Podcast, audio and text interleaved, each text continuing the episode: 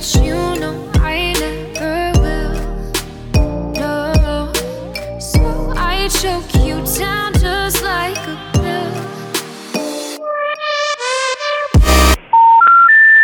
number you dialed is not in service.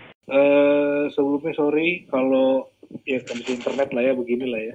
Oke, aku mengerti. Saat settingan hari ini sama settingan kema- eh, kemarin itu bisa beda ya kan. Oke, jadi jadi hari ini tuh nggak ada nggak ada apa nggak ada ininya nggak ada alurnya mau kayak gimana cuma ada beberapa yang pengen ya aku pengen dari dari seorang Fitri bisa bisa bantu share ke gue lah ke kita ke teman-teman semua Heeh. Tuh ya jadi oke kita mulai dari eh, program ini namanya kolang calling ya kan kita Mm-mm. kita kerja kita kerjanya cuma ya telepon-telepon aja nggak ada Mm-mm. nggak ada belum belum ketemu filosofinya apa dari kali kata-kata itu gitu kan Eh kita nggak ada pembuka dulu. Iya, aku udah terbiasa kok dengan kalian tanpa filosofi. Oke. Hah? Eh, Cok, putus-putus tuh. Ya udah gue ngerekam aja deh. Cok lo kalau nggak itu chatting aja lah cok. chatting aja cok kalau nggak itu cok. Ah.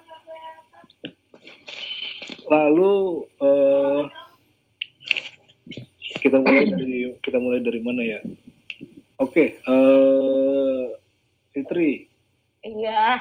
nggak semua orang yang tahu lu tuh siapa gitu. Bahkan mungkin gue juga nggak tahu lu tuh siapa. Nah, Gue juga gak tahu gue siapa. nah, dimulai dari lu mau kenalin ke kita ini lu tuh siapa sebenarnya gitu aja dah. Eh, ya, aku ya Fitri, Sal Fitri. Kebetulan aku peran, aku tinggalnya di Jakarta udah berapa tahun ya? Dari 2015 tinggal di Jakarta domisili. Terus ya tiap hari Senin sampai Jumat kerja gitu. Jadi aku anak rantau lah dan mengais rezeki di Jakarta. Udah gitu doang. Dan Ding itu aja. cuma gitu doang. Iya, cuman gak ada yang mau ditambahin. enggak. Tentang keahlian, Apalagi ya? keahlian gitu. Iya, gitu doang lah mau gimana. Apalagi Apaan? Tentang Ketik keahlian. aja, Cok. Ketik aja, Cok. Kan suwe ya. Itu lagi jelek banget sih ya. Parah banget. Lu kalau lagi main game lu ngerusak lu. Ngerusak alur lu. Ini susah ngeditnya nggak sih kayak gini nanti kalian mutus-mutus. Kita, kita sih nggak pakai mutus-mutus sih, nggak aja Oh. aja. Oke deh, paling itu doang deh kenalannya nanti sambil ngalir juga bisa mengenalku. Asik. Oke. Ya, aku terobsesi jadi selebgram. Makanya aku mau ikut, mau apa, mau diajak sama kalian. Siapa tahu followersku nambah kan. Selebgram wannabe. Aduh. Gitu aja. Lanjut. Nah, eh, sebenarnya itu pertanyaan gue yang kedua tuh sebenarnya lo tuh apaan, tapi lo udah ngomong duluan lo selebgram. Nih kan, nah, tuh Iya. belum ditanya lo udah jawab duluan, udah kasih tau duluan. Iya. gue, lo tuh selebgram, selebgram sebagai apa sebenarnya? Eh, gue selebgram mewakili masyarakat biasa gitu. Jadi masyarakat yang kan banyak nih selebgram kalau misalnya kita lihat levelnya level high end, maksudnya babak yang cakep-cakep gitu. Terus habis itu yang dia jalan-jalannya mewah-mewah gitu, yang makan enak-enak, yang dia nge-review macam-macam. Nah, aku kehidupan yang realita aja, kehidupan yang ya kenyataannya makan makan di warteg, buka juga biasa aja gitu. Jadi aku selebgram mewakili masyarakat-masyarakat yang realistis dalam hidupnya itulah. Oke. Nah, terus itu kena, kenapa kenapa kepikiran buat mewakili apa masyarakat yang realistis lah ya gitu? Kenapa kepikiran sana? Karena menurutku orang kadang gimana ya lingkung banyak banget orang-orang yang pengen untuk jadi kayak seseorang gitu. Sebenarnya bagus sih kamu terinspirasi sama siapa gitu, tapi bukan berarti terus seluruh sosok orang itu kamu tiru mulai dari gaya berpakaian, gaya hidup, terus gaya ngomongnya dan sebagainya gitu. Ya cukup jadi inspirasi yang positif aja misalnya nih aku eh, suka sama Tara Basro ngefans nih sama-sama cewek gitu tapi bukan berarti terus aku jadi Tara Basro dong yang Mhm. Yang cakep, yang apa namanya, yang badannya oke gitu. Aku nggak harus jadi kayak gitu ya udah. Yang aku suka dari Tara Basro adalah apa ya? Dia tuh cewek ya, ya Tara Basro gitu loh. Aku suka yang kayak gitu. Makanya kenapa aku pengen bikin eh, kalau misalnya teman-teman lihat kan reviewnya ngapain sih nyetrika gitu, ngapain sih nyet reviewnya eh, nyuci gitu ya? Karena sebenarnya kehidupan kita tuh ya kayak gitu gitu dan jujur aja sih sama kehidupan gitu buat kita jujur sama orang-orang ya ini loh kehidupan kita ya kita nyetrika kita nyuci kita ya masak yang kayak gini pakai daster gitu nggak usah dandan kadang nggak pakai BH ya udah gitu Oh gitu ya? Gue baru, gue gua. baru tahu. iya Nah, kehidupan kehidupan orang-orang kan kayak gitu iya Gak telat Kenapa, kan? Cok? Kenapa, Cok? Suaranya Nah, ini, ini enggak nih, bagusan nih suaranya nih. Ya, gue keluar tuh. Gue keluar dari kamar. Nah, Nah. bagus kamar lo berarti cok kamar Jadi lo gua, ya jadi gue gue pakai dua channel. Jadi laptop gue sama eh, handphone gue sekarang. oke Oke. Fit, ini kita, kita nyantai, Fit. Lo mau sambil sambil sambil makan juga nggak masalah ya. oh tenang santai aja Makanya gue nggak mau pakai video kan, jadi ya udah cukup aibnya via voice aja ya, nggak usah video ya. Terus soalnya tadi deg-degan aduh kalau pakai video gimana males banget setelah kalian mengaku Nah, kalau, kalau pakai video yang ada main main ini main hina-hinaan yang ada kagak jadi kagak keluar keluar nih. Mengingat Instagram live kalau gitu. Oh iya Instagram live loh. Aku padahal pengen lo bikin Instagram live Nah, di masa-masa kayak gini. ya nanti lu aja yang bikin. Udah kita. Udah Nggak ada yang nggak ada yang nonton. Ada. Ntar, Gue ntar kita promosiin di grup-grup grup-grup terdekat ya. Besok lah. lu tahu kagak? Gue pernah live Instagram yang nonton itu malah mbakku. Terus ibuku ikutan nonton. Kata ibuku ini anak ngapain ya udah nggak jadi. kalau itu kalau Instagram live itu nggak bisa di itu ya yang di close friend gitu nggak bisa ya? Nggak bisa dia publik gitu. ya sebenarnya nggak apa-apa sih kalau ibuku nggak nonton nggak balik kalau nonton juga paling cuman istighfar aja dianya. Tapi masih Oke. dianggap lah ya, itu yang penting. iya masih masih disuruh pulang lah ya. Oke, ini ini di awal-awal ini eh, pertanyaan kita mungkin lebih arahnya eh, tentang lo pribadi gitu, Fit ya, nggak masalah kan? nggak masalah Katakan apa yang mau kamu katakan, jangan katakan yang tidak ingin kamu katakan. Jadi kita sebelum ini kalau video gue gue bikinin yang ini yang tusuk bakar dulu nih.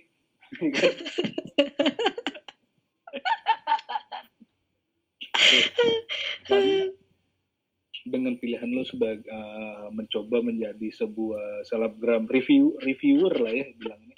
iya Gue gue pernah ngelihat beberapa bukan beberapa hampir semua review lo gue tontonin kan dari yang Molto yang yang terima kasih yang pemutih baju. cuma skincare ya Iya. skincare Nah, Cuma kalau boleh saran skincare janganlah. kenapa Tapi emang ya Gak cocok.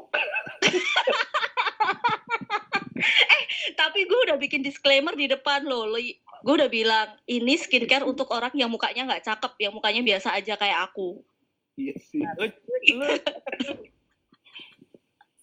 Tapi gue gue gimana ya? Kayaknya lu lebih cocok yang lebih ke dapur-dapur gitu loh, gitu menurut gue. hari apa kayak gitu ya Lebih menjiwai ya? apa kayak gitu Bener.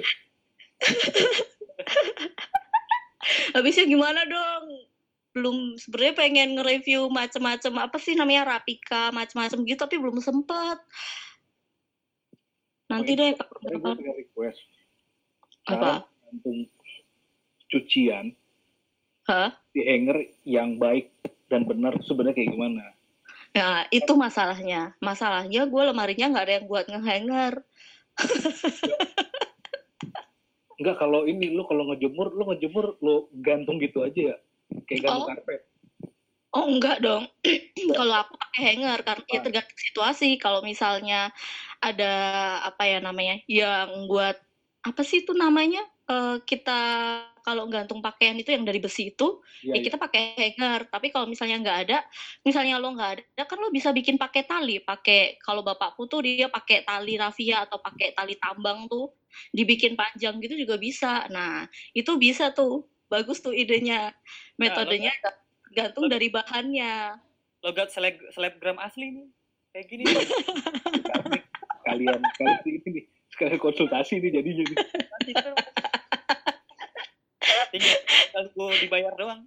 Nah, dari masalah hanger-hanger itu sebenarnya ada yang mau gue tanyain. Apa? Hanger itu kan ada bagian gantungannya kan ya. Iya. Nah, begitu dipasang baju, yang gue tanya kapan hanger itu sebaiknya mengarah ke sebelah kanan, kapan ke sebelah kiri. Nah itu pertanyaannya. Tergantung kebiasaan lo buat ngangkat baju. Oh jadi fleksibel aja lah ya. Iya, fleksibel aja. Kan lu tinggal balik aja. Yang penting searah aja, jangan ada yang balik kanan, ada yang balik kiri. Itu jadi ngegampangin kalau lo habis ngangkat nih, udah diangkat semua. Jadi dari ujung ke ujung hangernya di apa namanya? di ditarik terus ngambilnya gampang, tinggal dibalikin ke tempat hanger udah. Wih, gile benar-benar konsultan. Gak ada harga dirinya konsultan-konsultan. Aduh, Ini kalau bos gue denger gimana kasihan banget dia ngedidik anak yang salah. sama ada sama ada satu, satu lagi satu lagi. Apaan? Kan kalau oke lah kalau gantung baju kan masukinnya dari kerahnya gitu ya. Heeh. Nah, kalau gantung celana dalam itu gimana bentuknya? Apa gue harus jembrengin atau boleh gue lipet? Iya lu jambrengin aja. Eh, jambrengin gimana nih maksudnya? Jembrengin maksudnya kayak masukin dari pinggangnya gitu loh. Ih jangan tuh bisa melar lah. Gimana sih lu? Iya. Wah, masukan yang bagus nih, Cuk. Iya. Cuk. Lu di ini aja di apa sih namanya yang ini loh. eh, buat tempat baju tapi yang kecil yang panjang itu. Jadi itu buat daleman di situ. Oh. Iya, iya, iya. Oke, oke.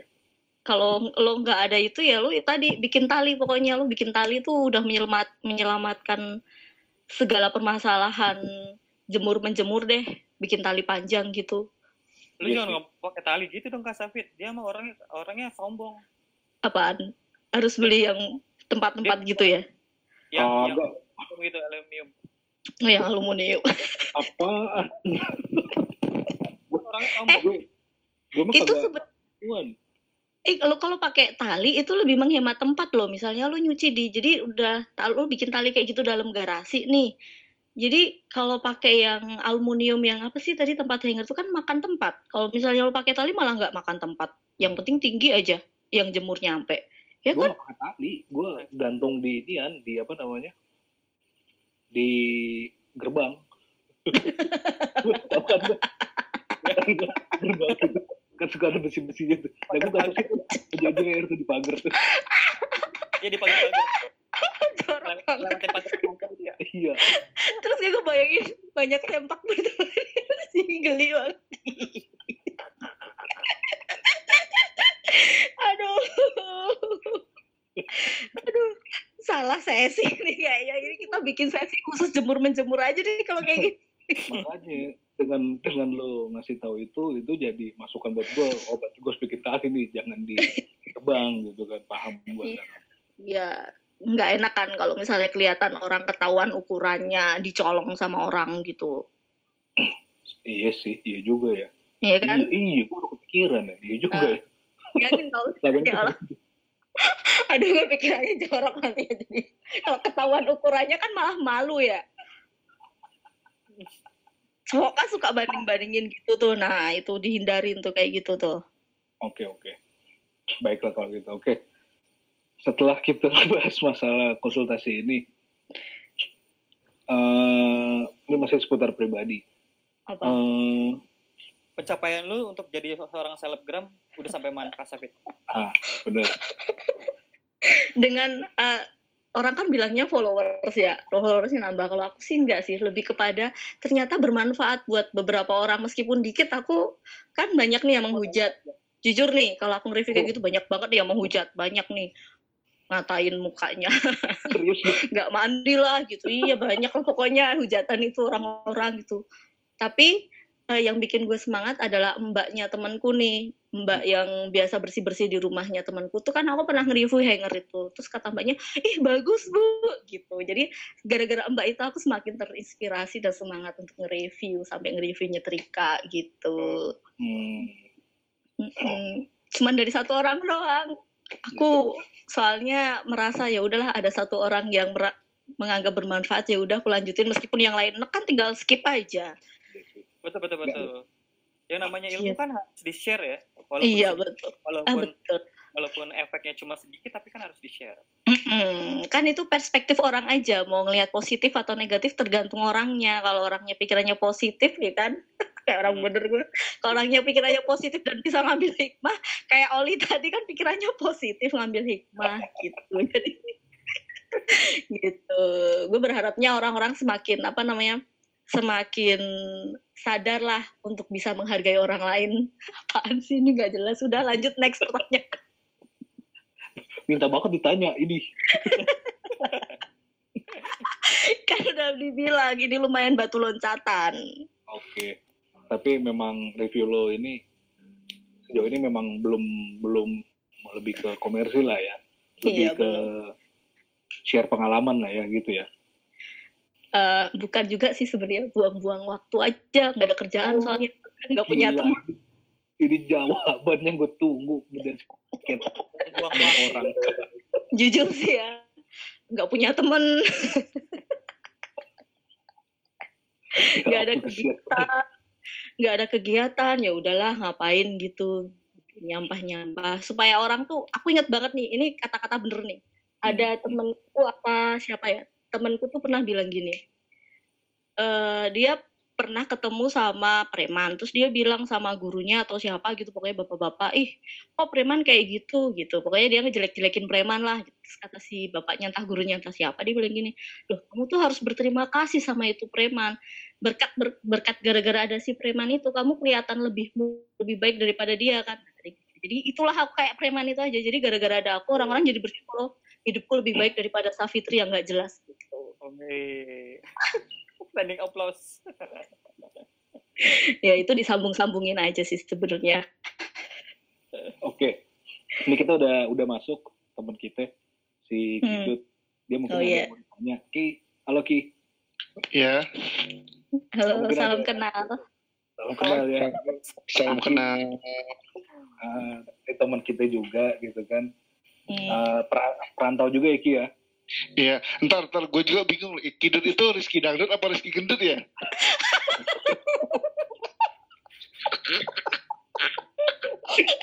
kita belum Gue masih bertanya-tanya loh sampai sekarang. Iya juga. Iya loh. Beneran loh. Kidut itu kenapa sih dutnya? Aku sih selama ini kira, sorry nih ya, bukan bukan bukan body shaming ya, maaf nih, maaf nih, maaf beneran nih Ki. Iya, nggak apa-apa.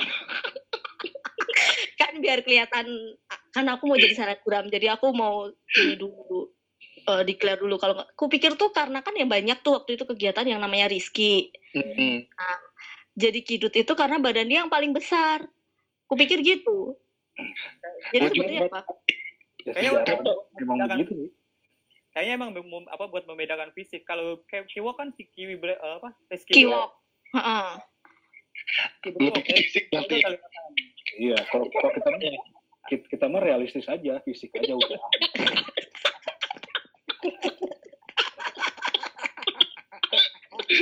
Orang mau bilang apa kan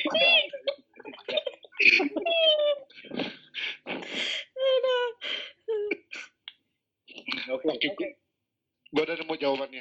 Makasih. oke, ketemu ya.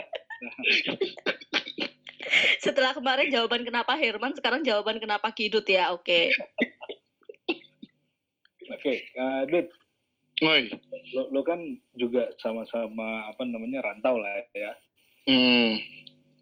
Nah, eh, sebelum adanya pandemi ini, gue gue emang sering lihat lo aktif di TikTok dan segala macamnya gitu ya. Ya, Apa filosofinya lo ikutan TikTok? Eh, ikutan TikTok itu eh, menertawakan diri sendiri kayaknya.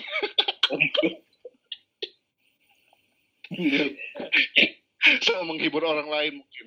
oh buat Kalau yang terhibur.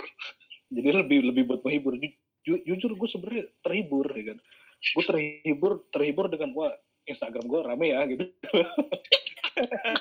gue kira gue sepi gitu ya Ya. Iya.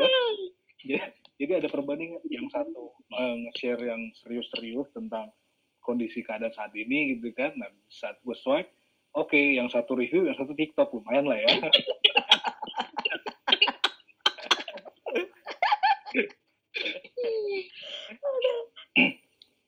itu itu gi- itu eh, awal mula lo bisa ikutan TikTok tuh karena apa ya?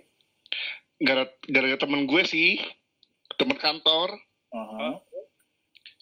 terus dia minta duetin. Ya udah gue duetin. Nggak taunya dia berhenti gue keterusan.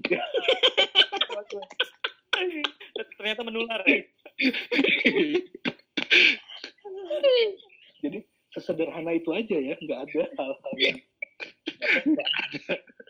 yang kiranya bisa dijadiin apa sih namanya kayak salah satu apa sih eh, yang bikin orang ikutan tertarik gitu. nggak tahu ya pokoknya yang gue gue tuh nemu di TikTok tuh ini lo gue banget dengan filter-filternya yang wow kan Ya ini gue banget loh jawabannya ini gue banget. Menemukan jati diri dalam TikTok ya. Gila, gila. dengan bisa nirusin muka memutihin muka oh gue banget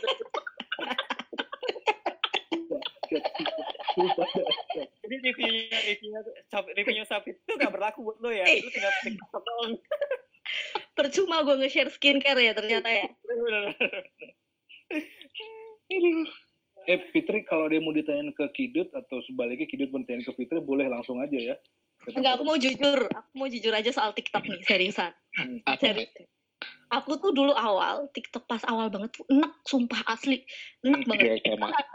Ada, lagu TikTok yang itu-itu doang kan. Nah, jadi setiap kali muter tuh aku emosi tuh di kantor. Tapi setelah aku gara-gara COVID ini, mungkin kemarin kalian melihat ulah gilaku bersama warga kosku. Iya. Akhirnya aku TikTok gua shock. Gue ilfil langsung sama lo. dengan main lo wow banget nih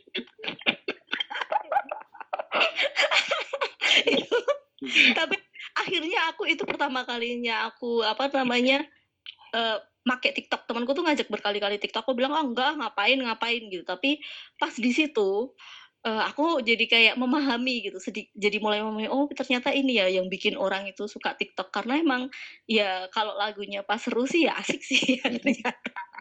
gitu. Jadi sekarang kalau dulu nih aku skip skip orang-orang yang udah mulai kayak oh ya udah aku mulai menikmati orang-orang yang tiktokan gitu di tengah berarti gue di skip juga dong Pit kemarin iya jujur sih Tenang, tenang. Di sini bukan untuk memecah belah ya. Bukan ya. untuk memecah belah ya.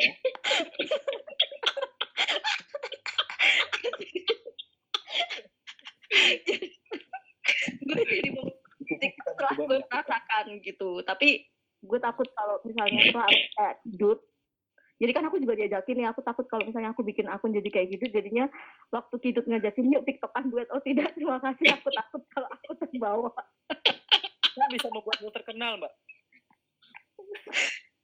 kamu tahu gak sih dengan akun review tuh aku udah mempermalukan diriku kalau aku tiktokan makin mempermalukan Kan orang-orang yang terkenal kan di, awalnya dari memalukan dulu, dipermalukan Iya. diri sendiri. Tapi aku nggak punya jati diri kan aku terkenalnya nge-review bukan tiktokan Iya, asik iya, buat buat gitu, tolonglah jangan berhenti review ya. Gak usah gak usah main-main TikTok gitu. Kalau perlu nge-review orang-orang yang TikTok, nah itu aja boleh deh. Bener tuh. Orang pertama kidut. aduh aduh aduh Baik lagi ke Kidut. hmm. Berarti dengan adanya pandemi ini, lo mengeksplor diri lo terhadap TikTok, begitu ya? iya lebih tepatnya iya Lebih tepatnya kayak gitu. Nah, pertanyaannya, seberapa dahsyat pandemi ini ngebentuk diri lo sampai akhirnya lo bisa dibilang fokus lah main TikTok. Bikin gue stres kayaknya pandemi ini ya. So- soalnya laporan gue tuh banyak banget dan laporan gue tuh dusta semua isi. Laporan apa? Eh, ini kalau temen lo kerja dari gimana ini? Nggak ada.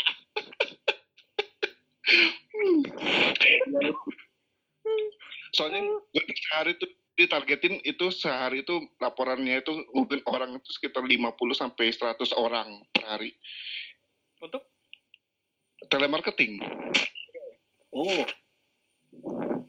Dan itu benar-benar nggak tercapai. Enggak, gue dusta semua itu. Nama asal comot, nomor handphone asal comot, gue lepon. oh, jangan nama gue tercatat di. Enggak, enggak, enggak, enggak.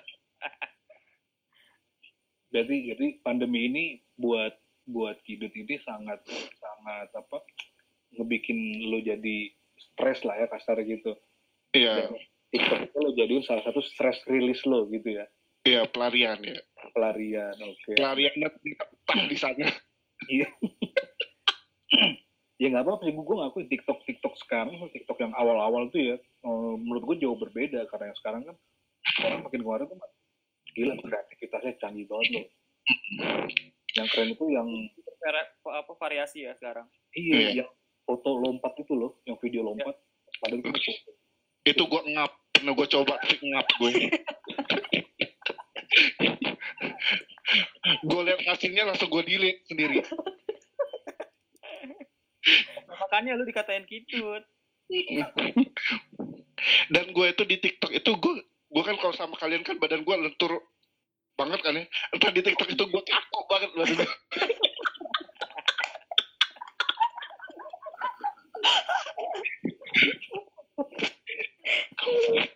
gue gak bisa ngedance sama sekali makanya TikTok gue itu isinya dubbing dubbing celotehan orang gitu-gitu doang. India emang lu sebelumnya suka sama India dan Suka banget. Orang pas gue dulu kecil, gue hidupnya lagi dengan lagu-lagu India. oh di antara lagu India film favorit India apaan? Hah? Film favorit lo? Bollywood. Film favorit itu kalau yang sekarang. Hmm. Nah, jangan sekarang, gue mana tahu. Kabi Kabigem kayaknya ya. Anjir. Tahu. Kita bikin nangis tahu. Aku nangis tahu nonton itu. Ketika Bigem itu yang si Sarukan ya, Iya. Kan. yang Yang jadi jadi guru kan yang itu bukan. bapak tirinya. Bukan. Bukan. Syarukan sama Ritik Rosan ya nggak? Nah, Yang jadi guru apa? Yang jadi guru biola dia. Eh, bro, Itu- itu, itu beda ini? lagi. Hah? yang jadi guru biola itu yang ini loh, yang apa namanya yang pacarnya mati, yang pacarnya mati. Iya itu apa? Lupa itu. Muhabbatin. Oh, Muhabbatin. Iya, Muhabbatin. Nah, gua gua Muhabbatin tuh lagunya gila. Dahsyat banget lagu-lagunya. Gimana, Li? Lagunya, Li? Gue lupa.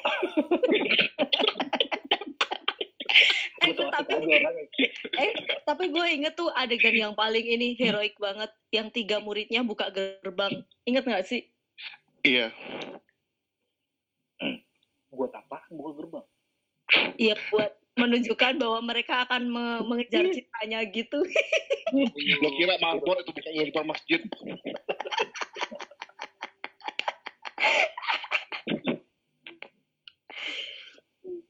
Oke, gue mau balik lagi sama Fitri bentar. Hmm. Fit, dengan Iya. ada ini, ya kan? Mm-mm. Eh, seberapa besar pengaruhnya terhadap keseharian lo? Gue gue nggak nanya ke jati diri lo, ya, ke jati diri lo oke lah ya. Gitu. Ini ini tapi gue jawabnya agak serius ya kalau yang ini. Oh boleh. Eh, jadi kan pas awal-awal tuh aku sempet ini loh, sempet apa sih kayak semacam ada gangguan secara psikologis, asik gangguan secara psikologis, maksudnya cemas gitu. Jadi kayak ada cemas gitu. Bahkan aku sempat ngerasa kayak sesek gitu, padahal aslinya enggak gitu. Nah, karena kan sebelumnya emang aku ada konsultasi sama psikolog sebelumnya. Nah itu pas masa itu pas aku lagi stres. Jadi pas aku lagi stres harusnya aku jadwal jalan-jalan tiba-tiba datanglah itu pandemi dan dinyatakan kita nggak boleh ke mana-mana. Itu jadi ketika aku lagi stres ditambah stres banget. Nah di situ secara fisik ngaruh banget tiba-tiba ngerasa kok kayaknya demam, kok kayaknya menggigil, kok kayaknya eh, apa namanya sesek gitu-gitu. Bener-bener ngerasa bahwa kok gejala-gejala ini ada di aku gitu. Akhirnya aku menggunakan fasilitas Halodoc nih Hmm. untuk konsultasi ke psikolog. Oh, ini bukan iklan. Akhirnya- bukan. Enggak, enggak iklan. Ini emang karena aku menurutku itu tapi em, meskipun ini bukan iklan, tapi aku lumayan me- menyarankan teman-teman kalau misalnya memang dalam kondisi kayak gini kan kita nggak mungkin ke rumah sakit ya. Kayak Bisa. ya. Buat ngecek aja gitu. Karena di situ dia memang ada khusus buat COVID-19 gitu gitu. Nah, aku di situ tapi aku yang ke ini yang ke apa namanya ke psikolog gitu. Aku tanya kondisinya kayak gini-gini pas saya nanya ke temanku beberapa teman dokter enggak ditanya tuh emang kamu nafasnya berapa kali? Gitu. Sesek itu kalau nafasnya berapa kali dalam semenit gitu. Akhirnya oh ternyata enggak. Gitu. Aku tanya ke psikolog kata dia oh itu wajar dalam artian eh, di, dialami oleh orang yang dalam kondisi pandemi kayak gini. Gitu. Jadi kalau ada teman-teman yang ngerasa eh, kok kayaknya ada gejala padahal sebenarnya sehat itu wajar gitu. Nah balik lagi ke kitanya gimana kita bisa bisa mengontrol diri kita, mengontrol emosi kita, ngontrol gimana kita nyikapin ini semua gitu. Di awal-awal itu apalagi beritanya kan simpang siur banget ya. Pas awal nggak tahu sih pada ngerasa apa enggak, cuman aku ngerasa beritanya simpang siur. Nggak tahu harus percaya sama siapa, terus habis itu data-datanya nggak jelas. Setiap baca berita aku selalu ngerasa keringet dingin dan sebagainya. Nah, sejak saat itu aku mulailah kontrol informasi yang masuk dan aku mulai cari kegiatan-kegiatan Hmm. banyak positifnya sih selama aku covid ini buat aku ya. Dengan karakterku. Jadi ini apa yang aku alami itu bakalan beda nih kalau misalnya sama Eco sama Oli sama Kidut itu pasti lebih menurutku kalian mungkin beberapa dari kalian lebih stres karena kalian tipe orang yang suka ketemu sama temen. Kalian tipe orang yang suka ngobrol sama temen hangout sama temen. Aku kan bukan tipe orang yang kayak gitu aku lebih suka diem di kamar gitu buat aku yang suka kayak gitu aja lumayan berat apalagi buat misalnya kidut. Makanya kalau dia TikTok ya wajar. Jadi bisa dibilang eh, menurut menurut lebih eh, kan sempat ada tuh ya, meme meme itu di Instagram ya? Hmm, yang coba ngebandingin antara teman-teman yang ekstro sama intro itu katanya. Untuk yang ekstro ini bisa jadi stres banget, intro malah Hmm. kayak apa eh, ya ini emang mereka udah terbiasa san- Hmm. santai aja. Itu menurut lo itu gimana tuh? Nggak inilah ya itu gimana? Eh, menurutku enggak aku nggak ngerti sih secara aku kan bukan psikolog ya cuman memang aku orangnya introvert banget. Mungkin kalian juga sadar pas awal-awal aku ikut kegiatan kalian betapa aku seperti orang gila yang di pojokan sendiri. Aku pun orangnya introvert nggak banyak nggak suka ketemu orang. Sekarang pun orang-orang misalnya stres nggak bisa ke mall aku biasa aja. Secara itu biasa aja nih nggak ketemu sama orang biasa. Tapi tetap loh ada stresnya. Bayangin aja kamu tinggal di rumah pola kebiasaan kan aku tetap se-introvert. Orang tuh tetap ketemu sama orang. Mau introvert mau ekstrovert kita itu basis basic apa ya basicnya adalah makhluk sosial. Mhm. kita itu adalah makhluk sosial kita pasti butuh untuk berinteraksi dengan orang lain ketemu dengan orang lain gitu.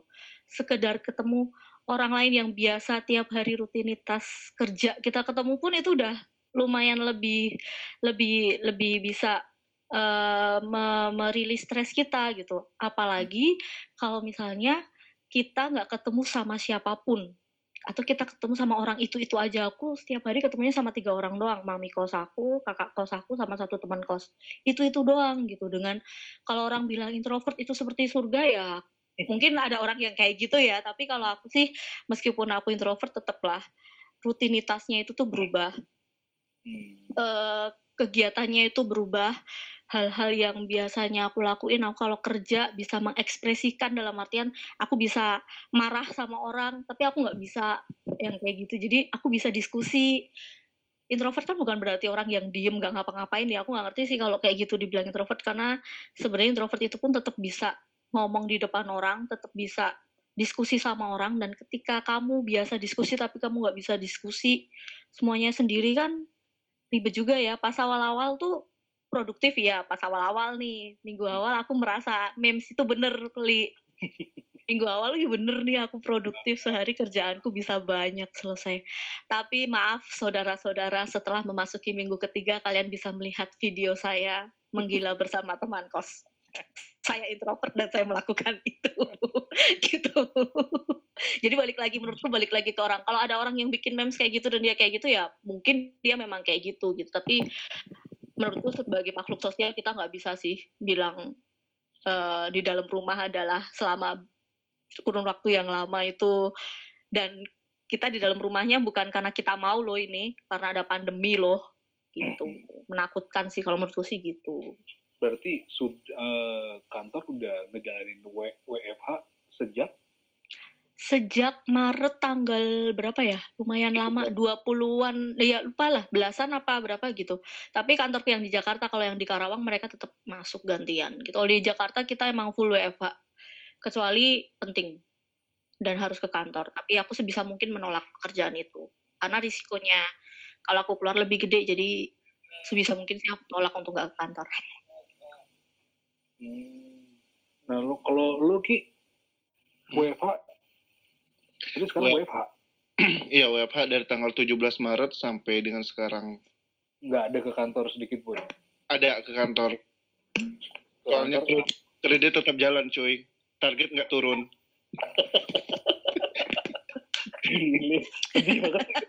seriusan kredit nggak eh apa target nggak turun ki Target nggak turun. Kredit tetap. asli Ah, ah.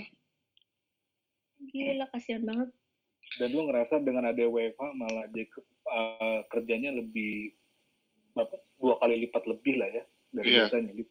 Nah, makanya kemarin kan eh, sama kayak Fitri juga sih kemarin ada yang layanan Halodoc untuk psikolog. Aku gunain juga kemarin dan itu ngebantu banget juga untuk untuk stressless gue juga. Hmm. Jadi boleh lah ya itu direkomendasikan ke teman-teman yang lain yang Mm, itu ngefek banget soalnya bagi gue sendiri ya. Mhm. bisa bisa nggunain fitur Halodoc itu ya buat konsultasi buat ya buat setidaknya buat bikin dirinya lebih tenang gitu lah ya. Iya. mm. Oke, ini pertanyaan selanjutnya nih eh, buat kalian berdua ya. Kita lebih lebih lebih dalam lagi. Eh, menurut kalian berdua, eh, Kidut sama Fitri, kon apa sih yang sebenarnya sedang terjadi saat ini di, di Indonesia? Kita di Indonesia aja ya, bisa jauh-jauh di Indonesia aja. Eh, menurut kalian ini itu ada eh, semacam teori konspirasinya kah atau propaganda kah? Kita nggak ada aja. Gila, berat banget ini siapa dulu nih yang mau jawab nih Fitri dulu aja lah. Ayo kontak. ini eh Sekarang gitu dulu, sekarang gitu dulu, sekarang gitu dulu. Tadi kan Savitri udah. oh iya benar benar Yang pertama. hapus lo. Aduh, otak gue nyampe situ ya persen gue ya. Ini konspirasi atau enggak. Tapi menurut gue eh, untuk yang pandemi ini eh, serius banget sih efeknya untuk manusia ya. Jadi ini hmm, kayak semacam silent killer gitu ya. Jadi ngebunuh tapi nggak kelihatan bentuknya gimana segala macamnya dan ini cepat banget gitu menulari antar manusia juga. Tapi kalau untuk apa namanya konspirasi gue nggak paham. jujur Yang lu percaya apa? Yang gue percaya eh, TikTok gue tetap jalan aja.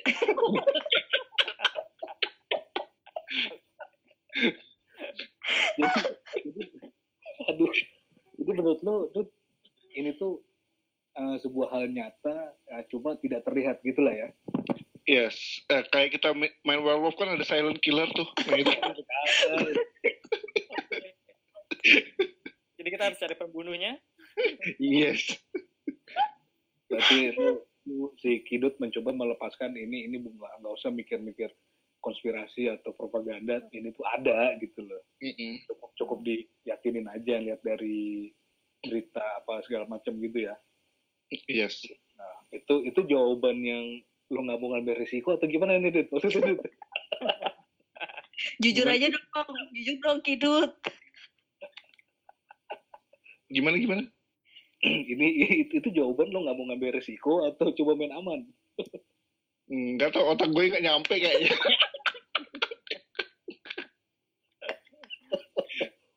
Oke oke oke. Lo, nah sekarang gini gini deh. Lo menurut lo gimana Pit?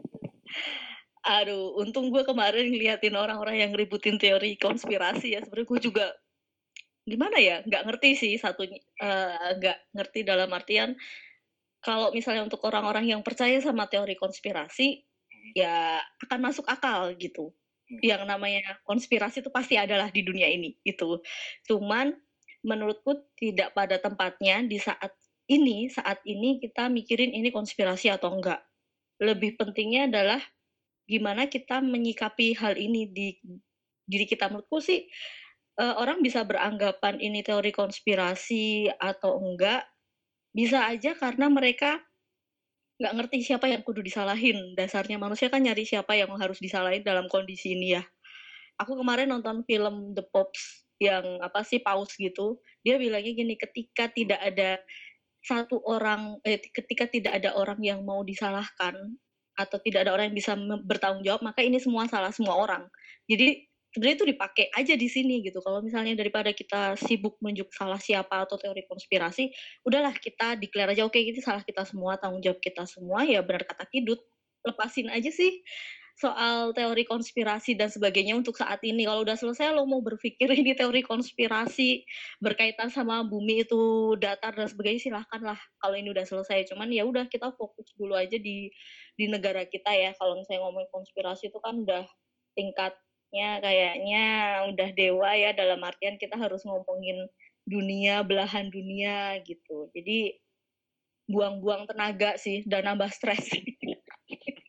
Jadi menurutku eh itu balik lagi gimana kita mencerna informasi gitu. Informasi yang masuk kalau kita nggak sehat kita akan sibuk untuk berdebat soal teori konspirasi ini. Dan itu nggak bagus buat kita dalam artian nggak bagus adalah bukannya kita meningkatkan kewaspadaan kita akan jadi saling curiga satu sama lain kita jadi nggak nggak bisa fokus untuk nanggulangin ini buat diri kita dan lingkungan kita gitu kalau menurutku ya Jadi lepasin aja lah yang gak usah mikir ke mana-mana ya udahlah gitu sama-sama ngejaga sama-sama ngebantu biar cepat selesai gitu ya.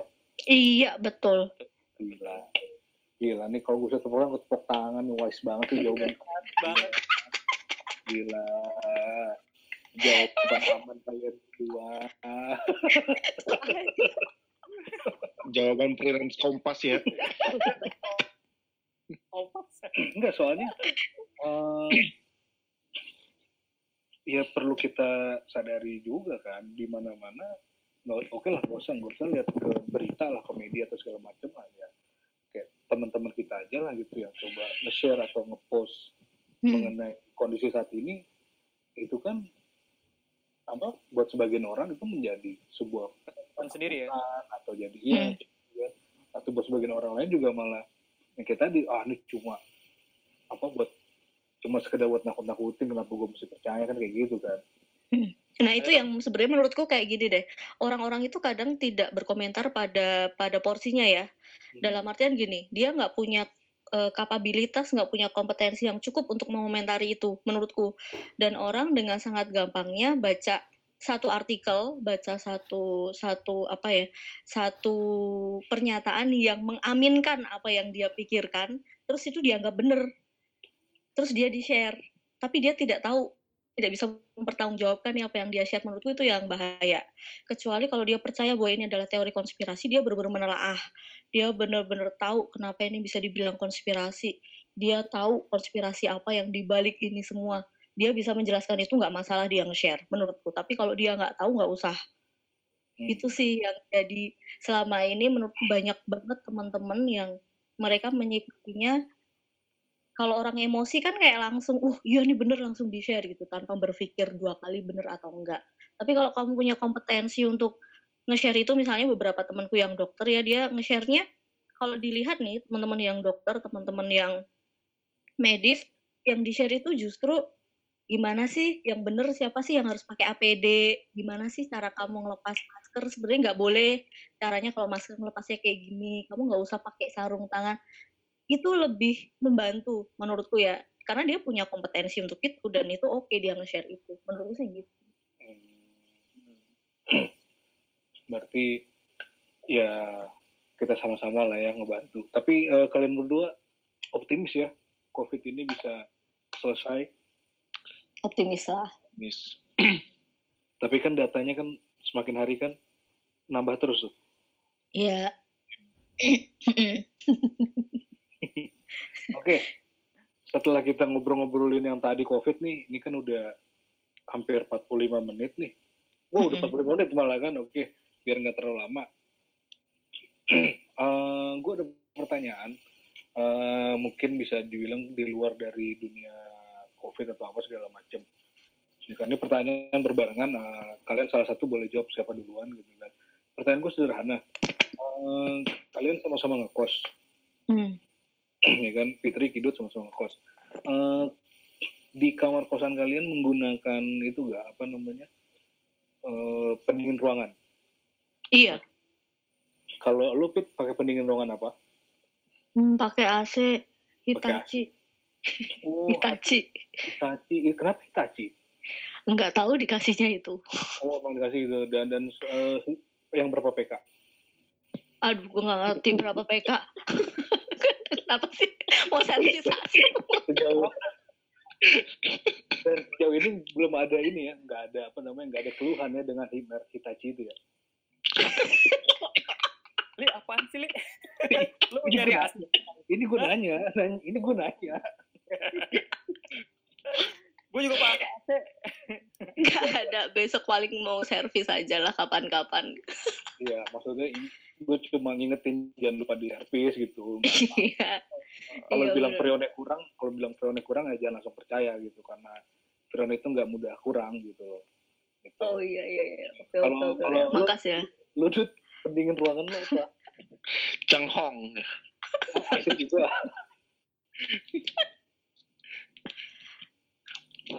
AC Changhong ya, Dut. Berapa PK, Dut? Aduh, nggak tahu beli berapa PK ini. Tapi eh, di kamar lo bener-bener ke cover ya, dingin ya, gitu ya. Iya. Lu, lu, lu pernah sini kan? Lu pernah ke gua kan? Gimana rasanya kosan gua? Aduh. ini sebenarnya ini ya podcast buat nge-review Changhong sama Hitachi ya Oh enggak, bukan itu. Ini eh, apa? Gue mau coba kayak semacam apa ya namanya? Survei-survei. oh Changhong eh, Changhong suaranya bagus gak? Dut? Bagusan suara gue lah ini dangdut. Nggak ada suaranya lagi. Masa asli ada suaranya? Kadang ada suaranya, suara suara mesin itu. Kadang ada yang ngeganggu gitu kan suaranya. Enggak sih. Enggak Nggak ada. Dia diem banget. Diem, di apa juga diem dia ya. Hmm, diem. Hmm. Gua gua suruh gua suruh nyanyi nggak mau dia nemenin gue. Oke, Cok, sebelum gue tutup, lo yang mau lo, lo tambahin gak, Cok? Nanya apa Anda? Sudah. Nggak ada. Oke. Oke, ini sebagai pertanyaan penutup sama gua, dari gua. Ya. Eh Fitri sama Kidut. Pertanyaannya kalian lebih prefer mana antara toilet jongkok dan toilet duduk? Mengapa?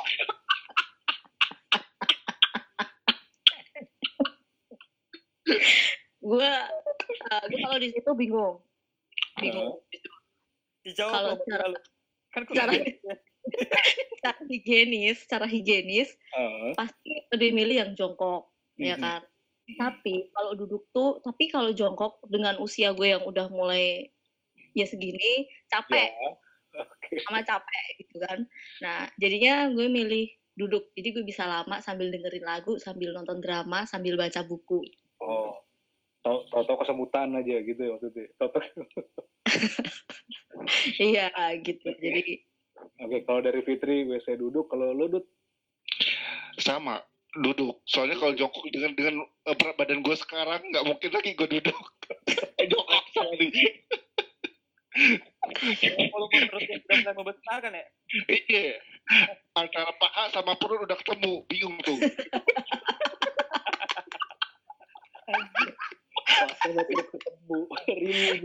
Belum belum kalau mau berdiri susah ya gitu ya harus cari pegangan ya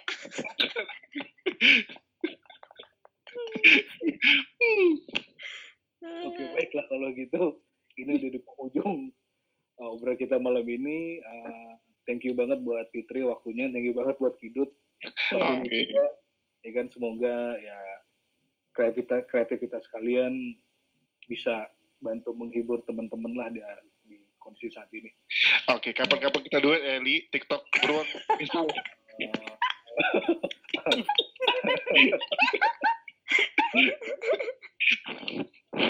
Oke. Guys. Mudah-mudahan Iya. mau lagi live lagi, oke? Oke ya Oke, makasih terima kasih semuanya. Ya, sama-sama.